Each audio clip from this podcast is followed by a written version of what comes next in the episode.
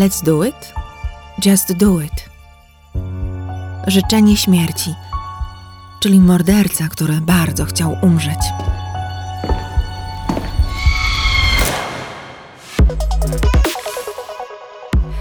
Slogan reklamowy firmy Nike znacie chyba wszyscy tu obecni, moi drodzy słuchacze.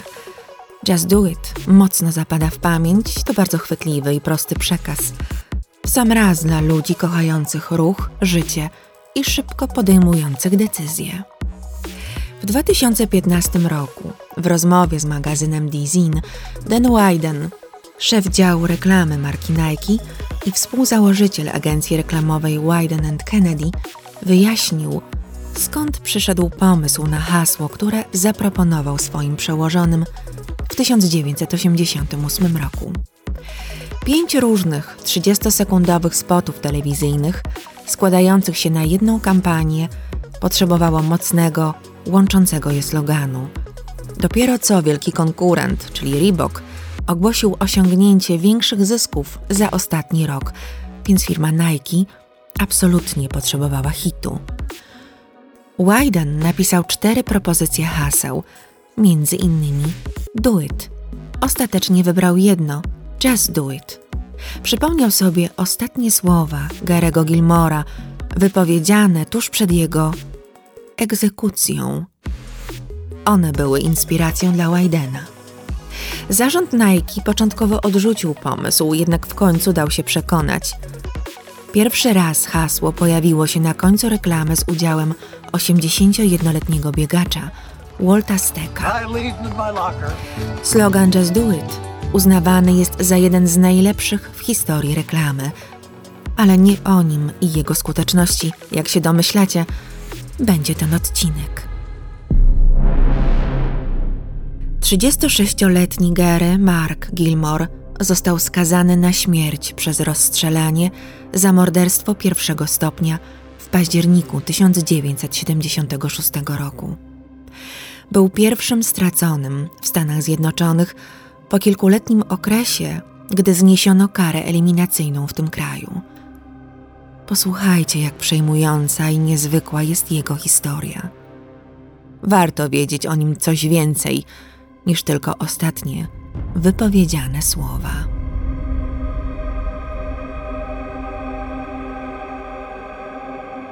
Gilmore urodził się 4 grudnia 1940 roku w McCamey w Teksasie jako Fay Robert Kaufman, drugi z czterech synów 50-letniego Franka i 27-letniej Bessie.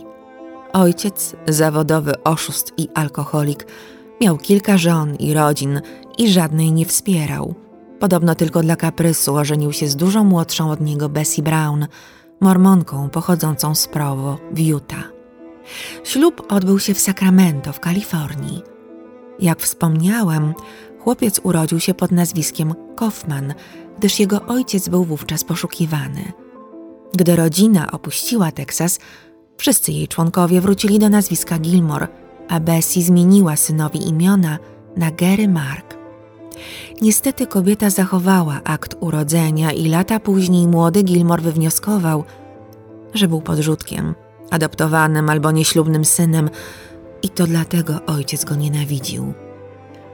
Bessie z chłopcami, Gaylenem, Gerem, Michaelem i Frankiem Juniorem wiele razy przeprowadzała się przemierzając zachodnie Stany. Frank senior utrzymywał ich dzięki sprzedaży fałszywych prenumerat – Ojciec nie był idealny i Gary miał z nim, delikatnie mówiąc, trudną relację. Mężczyzna szybko wpadał w złość, bił chłopców pasem do ostrzenia brzytwy, a nawet batem. Powód nie był potrzebny. Żonę bił rzadziej, raczej znęcał się nad nią psychicznie. Oboje kłócili się zaciekle przy dzieciach. Nie pomagała różnica wieku między nimi i różnica wyznań. Frank był katolikiem, Bessie mormonką. Nie tylko relacja z ojcem była skomplikowana. Matka zakazywała chłopcom dotykać jej i przytulać się do niej. To musiał być koszmarny dom rodzinny, nie sądzicie? W dzieciństwie Gary przeżył traumatyczne dla dziecka doświadczenie. Był z ojcem, gdy ten nagle zostawił go bez opieki w parku na ławce, a sam poszedł załatwiać swoje sprawy. Chłopiec trafił na kilka dni do sierocińca, do czasu, aż odnaleziono jego rodziców. Bessie wierzyła, że w dzieciństwie, gdy bawiła się tablicą Ouija do kontaktowania się z duchami, sprowadziła z zaświatów demona, który od tamtej pory nie opuścił jej i jej bliskich. Jedna z jej sióstr zginęła, druga została sparaliżowana w wypadku i o te nieszczęścia dziewczyna, a potem dorosła kobieta, oskarżała właśnie siły nadprzyrodzone. Z kolei jej teściowa była medium i organizowała seanse spirytystyczne. Po jednym z nich matka Franka bardzo źle się poczuła i wkrótce zmarła. Przerażona Bessie uznała wtedy, że starsza pani Gilmore sprowadziła do domu ducha mordercy. Twierdziła nawet, że widziała go nad łóżeczkiem małego Garego. Chłopiec od tamtej pory miał koszmary, śniło mu się, że został ścięty. Z przerażającymi snami zmagał się do końca swojego krótkiego życia. Ale to jeszcze nie wszystko, co zafundowała kruchej psychice swoich dzieci Bessie. Wiele razy opowiadała synom o tym, jak była świadkiem egzekucji. Ojciec zabrał ją w dzieciństwie na miejsce straceń, by zobaczyła, jak publicznie wieszano skazańca. Dodam, że ostatnia publiczna egzekucja odbyła się w Stanach w 1936 roku, czyli było to możliwe. Jednak najmłodszy syn Gilmorów, Michael, już w dorosłym życiu sprawdził fakty i zorientował się, że matka zmyślała. Efekt takiego wychowania? Jeden syn został zamordowany, drugi stracony, trzeci zapadł w otępienie i tylko Michael został dziennikarzem muzycznym i pisarzem. Żyje do dziś, ma obecnie 72 lata. W 1952 roku Gilmorowie osiedlili się w Portlandzie w stanie Oregon. Wtedy zaczęły się problemy Garego z prawem. Od 12 roku życia pił alkohol, nękał nauczycieli i innych uczniów, kradł. Sam później opowiadał, że stawał na torach przed jadącym pociągiem, by w ostatniej chwili uciec. Wkładał mokry palec do gniazdka. Na swój sposób hartował się. Szkołę porzucił w wieku 14 lat.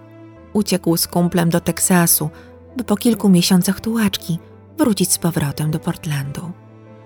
Gdy aresztowano go po raz pierwszy za kradzież samochodu, ojciec z pomocą prawnika wyciągnęli go i pokazali, jak można manipulować ludźmi wymiaru sprawiedliwości i unikać odpowiedzialności. Frank znał się na rzeczy, sam był przecież przestępcą, co nie oznacza, że był dumny ze swego syna. Wręcz przeciwnie.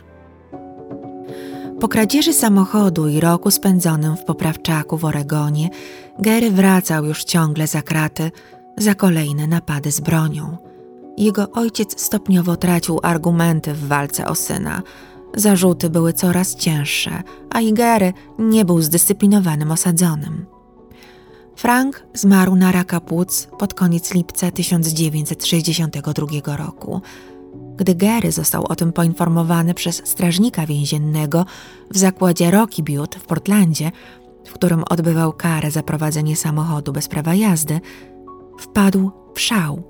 Zdemolował swoją celę i próbował popełnić samobójstwo, podcinając sobie żyły.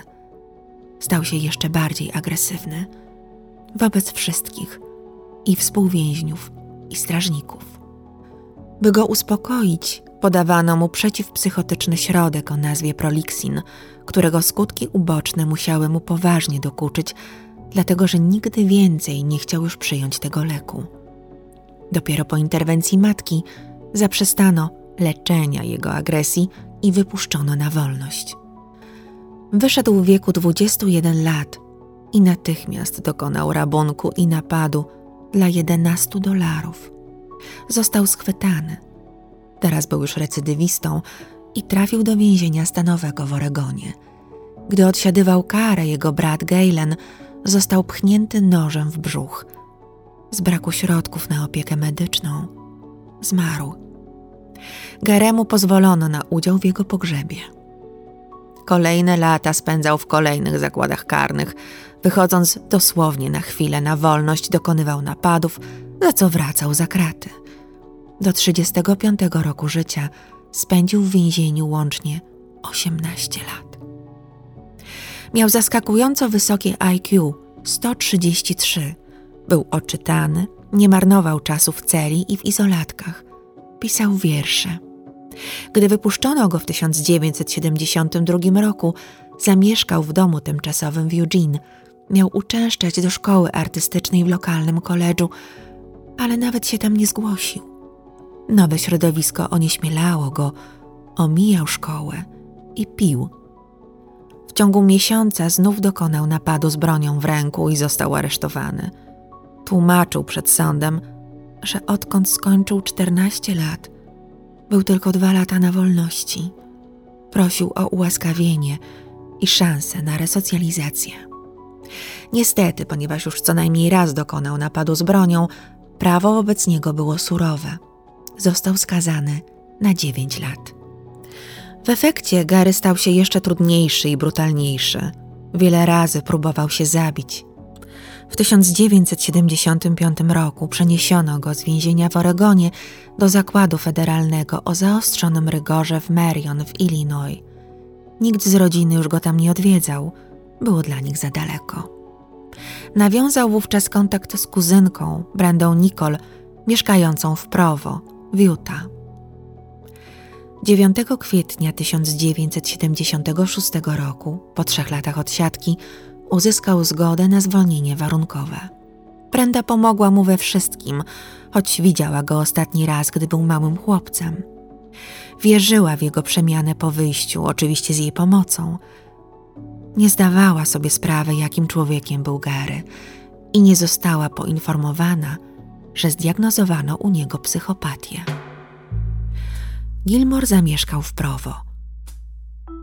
Pojawił się u Brandy z całym swoim dobytkiem, zapakowanym w małą torbę sportową. Oboje wierzyli, że to się uda. Mormońskie Prowo nie było wymarzonym miejscem do życia dla recydywisty, który brutalnością wyrażał swoje potrzeby. Lokalna społeczność była cicha, spokojna, co tu dużo mówić, nudna. Gary podjął pracę w sklepie obuwniczym u wuja Verna Demiko, ale nie przepracowywał się. Dużo pił, a jak nie miał pieniędzy na piwo, to je kradł. Związał się z piękną dziewczyną Nicole Baker Barrett, dziewiętnastolatką, dwukrotną rozwódką, matką dwójki małych dzieci. Wrócił do kradzieży, do życia pełnego adrenaliny. Gilmore posiadał starego niebieskiego Mustanga, używany, często psujący się samochód. Zamarzył mu się jednak dziesięcioletni biały Ford, którego widział u lokalnego sprzedawcy na parkingu. Niestety nie było go na niego stać. Zdobył fanty na sprzedaż, zdobył broń, aż dziewięć sztuk, z czego jedną oddał Nicole, a nawet pokazał jej resztę swojego arsenału. Kobieta podobno nieźle się wtedy wystraszyła, znając już brutalną stronę osobowości swojego kochanka. Gilmore mieszkał u niej w wynajętym domu w Spanish Fork w pobliżu Provo. Często pił i mieszał alkohol z tabletkami na ból głowy, co prowadziło do impotencji, niekontrolowanych wybuchów złości i zaburzenia koncentracji. Dziewczyna nie wytrzymała z nim. Wyprowadziła się, zabrała dzieciaki i zamieszkała pięć mil dalej, nie zdradzając nowego adresu. Gary próbował ją odszukać, ale nie udało mu się. Sfrustrowany, zadłużony, ze złamanym sercem w jego mniemaniu, pojechał kupić samochód, o którym marzył. Sprzedawca początkowo nie zgadzał się na to, by sam podpisał umowę, żądał zabezpieczenia. Wydał mu jednak samochód, podkreślając, że odbierze auto, jeśli nie zostanie spłacone. Gilmore pojechał białym Fordem prosto do matki Nicole. Nie zastał tam kochanki. W ramach zemsty zabrał ze sobą jej młodszą siostrę, April, która się w nim podkochiwała. Był poniedziałek, 19 lipca 1976 roku. Tego dnia właśnie Gary Mark Gilmore okradł i zamordował pracownika stacji benzynowej Sinclair młodego mormona, Maxa Jensena w Orem w stanie Utah. Max przyszedł do pracy na zmianę od godziny 15 do 23. Była niemal 22.30, zbliżał się koniec jego zmiany, gdy Gary zatrzymał się niedaleko i powiedział towarzyszącej mu April, że chce zadzwonić. Zostawił dziewczynę w aucie i poszedł na stację. Zorientował się, że nikogo poza jednym mężczyzną nie ma w pobliżu. Podszedł do Jensena. Wycelował w niego Browninga kaliber 22 i nakazał mu opróżnić kieszenie. Max wykonał posłusznie jego polecenie. Gary poleciał mu pójść do łazienki i położyć się na podłodze z rękami pod ciałem. To również zrobił. Mimo braku oporu, Gilmore przyłożył pistolet do głowy ofiary i strzelił, mówiąc: This one is for me, ten jest dla mnie. A potem pociągnął za spust jeszcze raz, tym razem oddając strzał dla Nicole, czyli jego dziewczyny. Odwrócił się i wyszedł. Nawet nie zauważył, że na ladzie leżały pieniądze. Cały jego łup wynosił 100 dolarów. Tyle, co zabrał młodemu mężczyźnie, którego zabił z zimną krwią.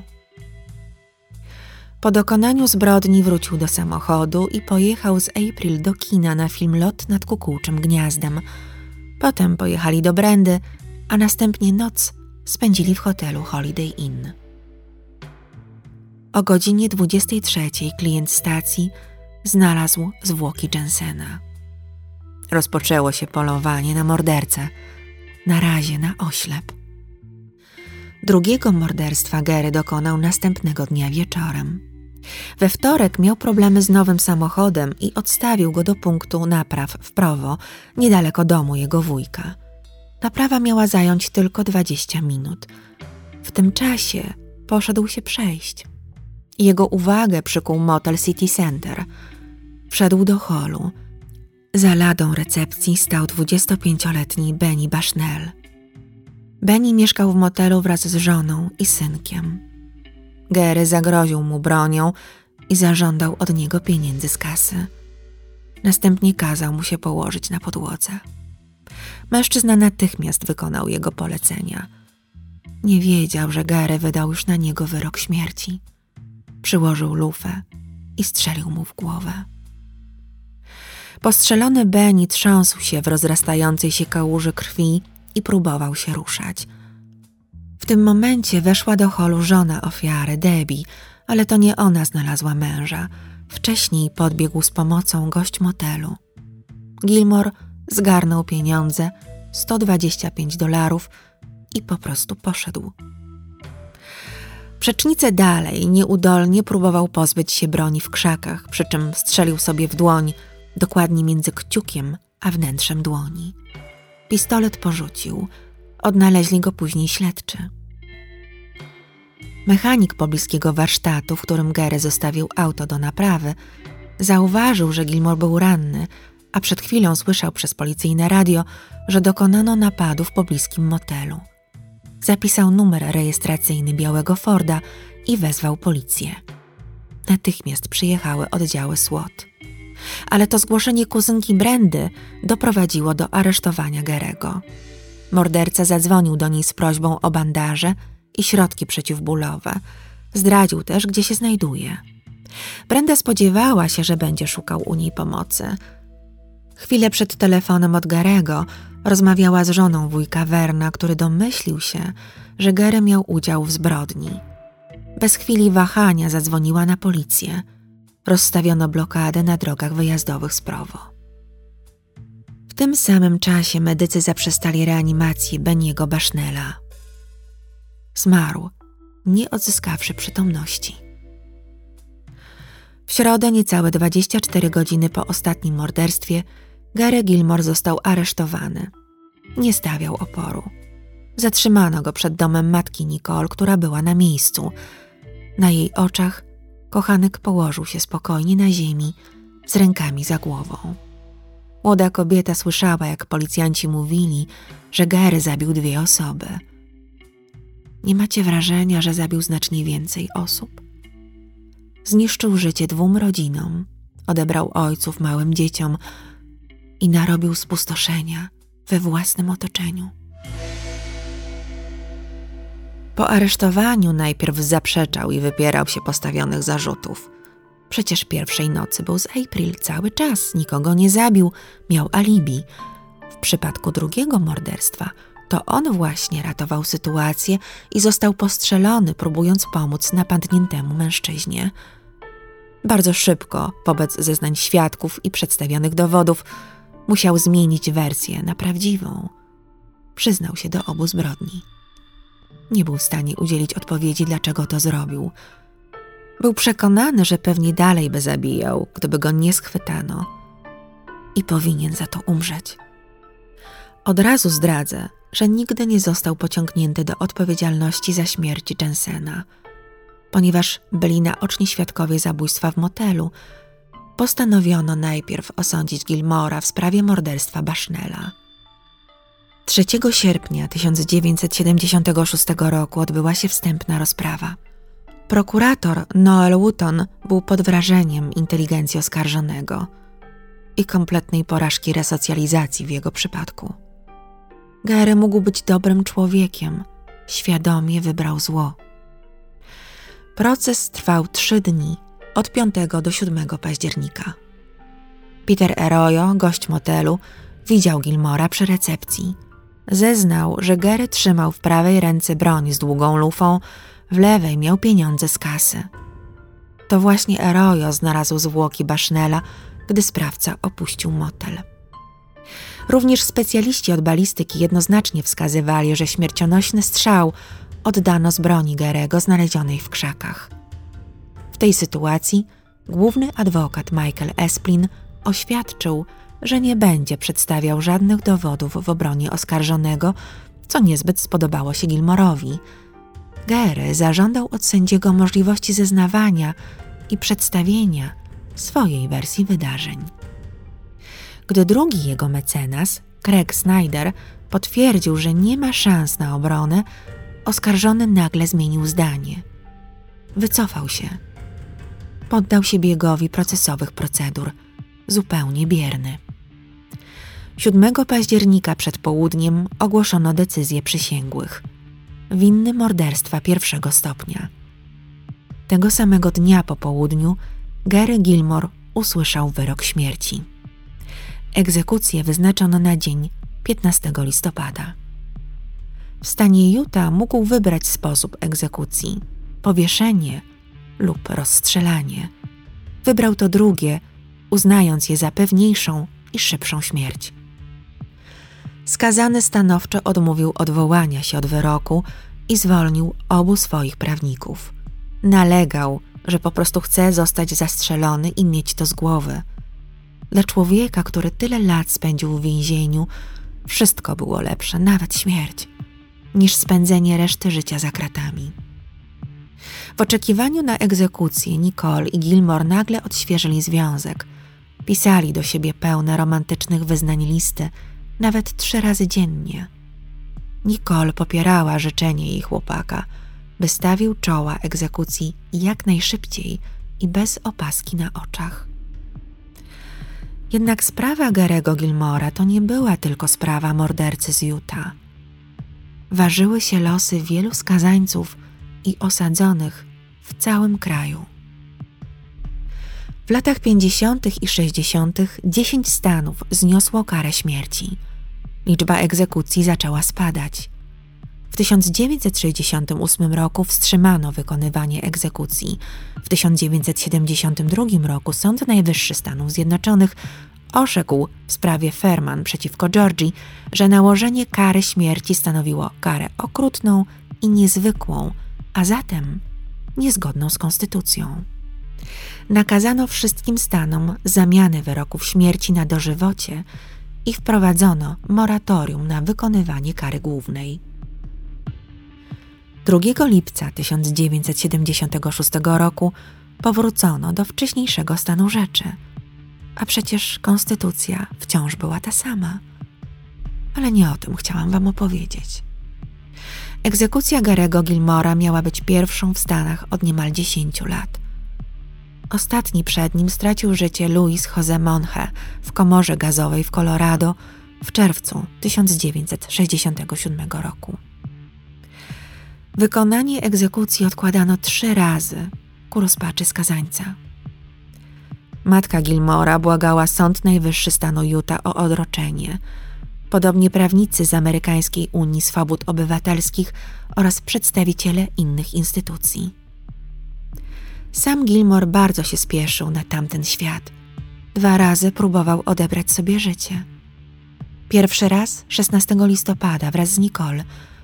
W listach Gary poprosił ukochaną, by pochodziła do różnych lekarzy i zebrała jak najwięcej barbituranów. Udało jej się zdobyć 50 tabletek. W woreczku schowanym w pochwie przemyciła połowę z nich do więzienia i przekazała je Garemu. We własnym mieszkaniu, tak jak było umówione, o północy połknęła swoją dawkę. On zażył tabletki dopiero rano. Oboje przeżyli. Po tych wydarzeniach odcięto komunikację między nimi, a kobieta trafiła do zakładu psychiatrycznego na obserwację. Gary był uparty, chciał odejść na swoich zasadach. Rozpoczął strajk głodowy, który prowadził przez 25 dni. Osłabiony, stanął przed stanową komisją do spraw ułaskawień w sprawie jego prośby o prawo do śmierci. Komisja głosowała dwa do jednego na jego korzyść. Jego wygrana oznaczała zarazem przegraną, czyli rozstrzelanie. Następnego dnia sędzia sądu rejonowego Robert Bullock wyznaczył datę egzekucji na świt 6 grudnia, dwa dni po 36 urodzinach Gerego. To jest do przyjęcia, skwitował cicho. Ale termin znów przełożono.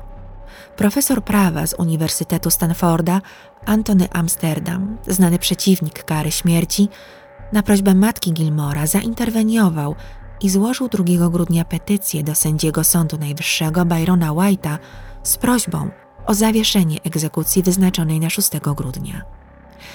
I kolejny raz po kolejnym głosowaniu egzekucję odroczono. Gilmore dwa dni później przez swoich prawników zgłosił, że Bessie nie miała prawa do reprezentowania jego interesów, które on widzi zupełnie odmiennie. 16 grudnia podjął drugą próbę samobójczą, również przez przedawkowanie. Gdy on chciał przyspieszyć egzekucję, wiele osób, wbrew jego woli, walczyło o jego życie, o ironię losu. Po przełożeniu terminu Gary na kolejnej rozprawie transmitowanej przez telewizję powiedział: Wszystko, co mam do powiedzenia do nich wszystkich rabinów, księży, abolicjonistów, chciałbym, żeby się wycofali.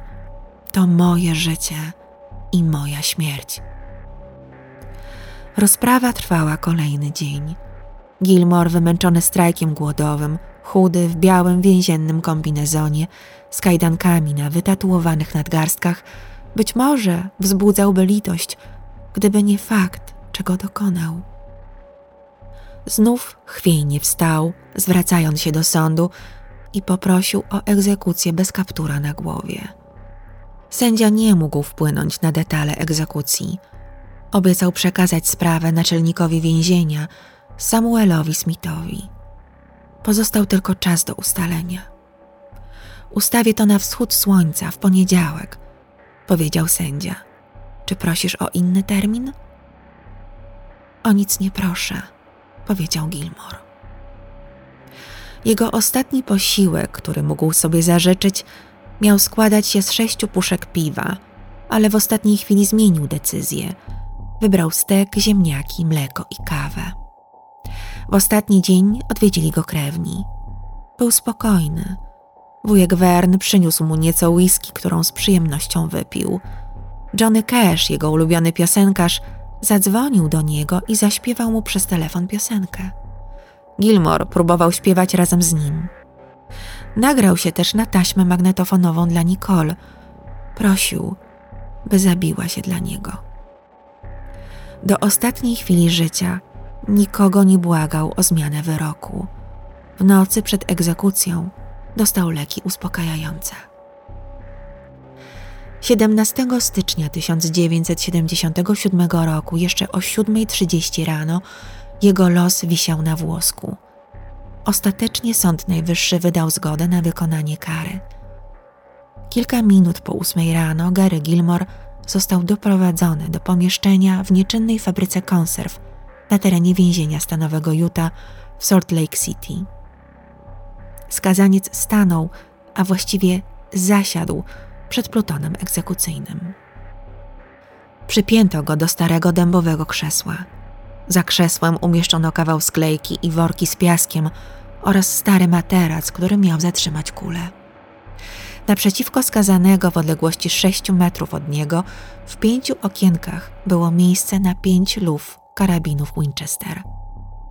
Strzelać mieli ochotnicy wolontariusze spośród funkcjonariuszy organów ścigania ze stanu, w którym dokonano zbrodni.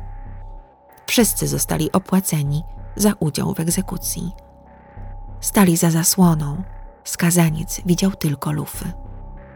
Celowali w jego serce oznaczone przypiętym do koszuli białym kółkiem.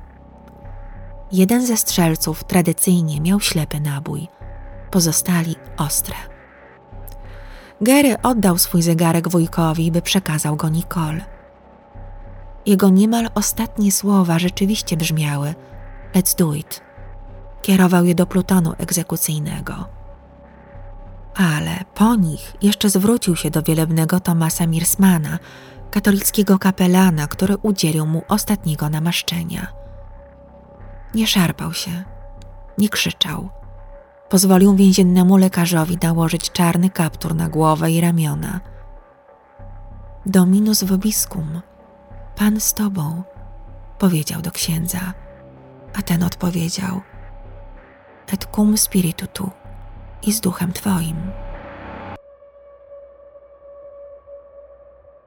Po oddanych strzałach jego głowa opadła na ramię, ciało przeszedł spazm, prawa ręka delikatnie uniosła się i opadła. To wszystko. Żył jeszcze przez dwie minuty po zapadnięciu ciszy. Krew spływała z jego serca po koszuli na podłogę. Doktor Serge Moore, który miał stwierdzić zgon skazanego i który wykonywał autopsję zarówno mordercy, jak i jego ofiary, oświadczył, że Gere żył jeszcze przez dwie minuty po rozstrzelaniu. Każda z czterech kul przeszyła jego serce. Tymczasem na zewnątrz więzienia pikietowało około 60 osób, głównie kobiety, domagających się uwolnienia Gilmora. Gdy przekazano im informację o wykonaniu egzekucji, zapadła cisza. W tym samym czasie protest w budynku Sądu Najwyższego w Waszyngtonie nie odbył się tak spokojnie. Aresztowano osiem osób za zakłócanie porządku. Po egzekucji oczyszczono miejsce kaźni i wyniesiono zwłoki. Gilmore bardzo krwawił, więc rozsypano żwir, by wchłonął czerwone plamy. Krzesło wytarto do czysta, choć wciąż widniały w oparciu cztery dziury po kulach. Dopiero wtedy wpuszczono do sali egzekucyjnej media. Na marginesie dodam, że ostatnią egzekucję przez rozstrzelanie wykonano w Stanach Zjednoczonych 18 czerwca 2010 roku na skazańcu Ronim Lee Gardnerze. Wszystkie, dosłownie trzy egzekucje przez rozstrzelanie, wykonane w latach 1977-2010, przeprowadzono w Utah. Ciało Gilmora zostało przygotowane do transplantacji, a wieczorem tego samego dnia pozostałe szczątki poddano kremacji w zakładzie pogrzebowym w Prowo. Jego rogówki, pobrane ze zwłok kilka godzin po egzekucji, zainspirowały muzyków zespołu Edwards do napisania piosenki Gary Gilmore's Eyes, która stała się wielkim przybojem jeszcze w tym samym roku i doczekała kilku udanych coverów. Pobrano również od niego wątrobę, kości, nerwy, skórę skazańca, a nerki poddano badaniom na University of Utah. Rodzina sama chciała rozdysponować zwłoki i dostać mózg Garego. Jedno z dzieci Brandy, tej, która go wydała, zapragnęło przysadki mózgowej. Oczywiście nikt niczego nie dostał. Jego prochy zrzucono z samolotu w trzech miejscach: nad Spanish Fork, Springville, gdzie mieszkała jego dziewczyna, i Provo, zgodnie z jego wolą. W tym czasie 358 osób, w tym cztery kobiety, przebywało w celach śmierci w całym kraju. Śmierć Gilmora oznaczała wznowienie egzekucji w Stanach Zjednoczonych. Hollywoodzki agent filmowy Lawrence Schiller zdążył kupić od Gilmora prawa do telewizyjnej adaptacji jego historii za 100 tysięcy dolarów plus tantiemy. Gary zatrzymał tysiąc dolarów, by w więzieniu spokojnie żyć miesiąc czy dwa, które mu wtedy pozostały. Resztę przeznaczył dla rodziny, znajomych w więzieniu oraz na spłatę roszczeń o odszkodowanie za śmierć jego pierwszej ofiary. Agent Lawrence Schiller był też jednym ze świadków egzekucji. Playboy kupił od niego wywiad z Gilmorem, w którym na sugestię, że może go zagrać w filmie sam Steve McQueen czy Paul Newman, odrzekł, iż nie chciałby, by zagrała go gwiazda kina. Ludzie oglądaliby aktora, a nie prawdziwą postać. Było mu wszystko jedno, gdyby jego egzekucję transmitowano w telewizji. Oczywiście, gwoli jasności, nigdy nie było i nie będzie to możliwe. Film w reżyserii Schillera na podstawie historii Gilmora rzeczywiście powstał. Nakręcono go w 1982 roku. W rolę mordercy wcielił się Tommy Lee Jones, który zdobył za tę kreację nagrodę Emmy. W 1979 roku Norman Mailer napisał książkę opartą na życiu Gilmora pod tytułem Pieśń Kata. Otrzymał za nią nagrodę Pulitzera w 1980 roku. Pisarz wykorzystał listy napisane przez Gilmora, wywiady z wieloma jego bliskimi, stenogramy procesów oraz wywiady lub oświadczenia, które Gilmore przekazał prasie. Mailer sam nie rozmawiał nigdy z Gerem. Ostatnie słowa Gilmora pojawiają się na t-shirtach. Mam wrażenie, że mnóstwo ludzi zarobiło na jego tragicznych losach i śmierci jego ofiar. Wspomniany młodszy brat, Michael, napisał o nim książkę Shot in the Heart. Zdradza w niej, że oglądał koszulę Garego tuż po egzekucji. Doliczył się pięciu śladów po kulach, a to oznaczało, że żaden ze strzelców nie miał ślepego naboju. Następnym razem, gdy usłyszycie lub zobaczycie slogan Just Do It, pomyślcie o Gerem Gilmorze, mordercy, który bardzo chciał umrzeć. Źródła, z których korzystałam przy przygotowaniu dla Was tej historii to Business Insider, Time, BBC News, Washington Post, CBS News, akta Gilmora przeciwko Utah, Los Angeles Times, The Guardian, The Boston Globe, The San Bernardino County Sun oraz The New York Times.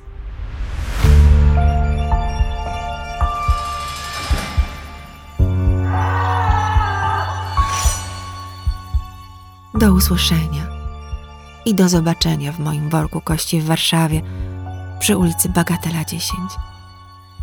Renata z worka kości.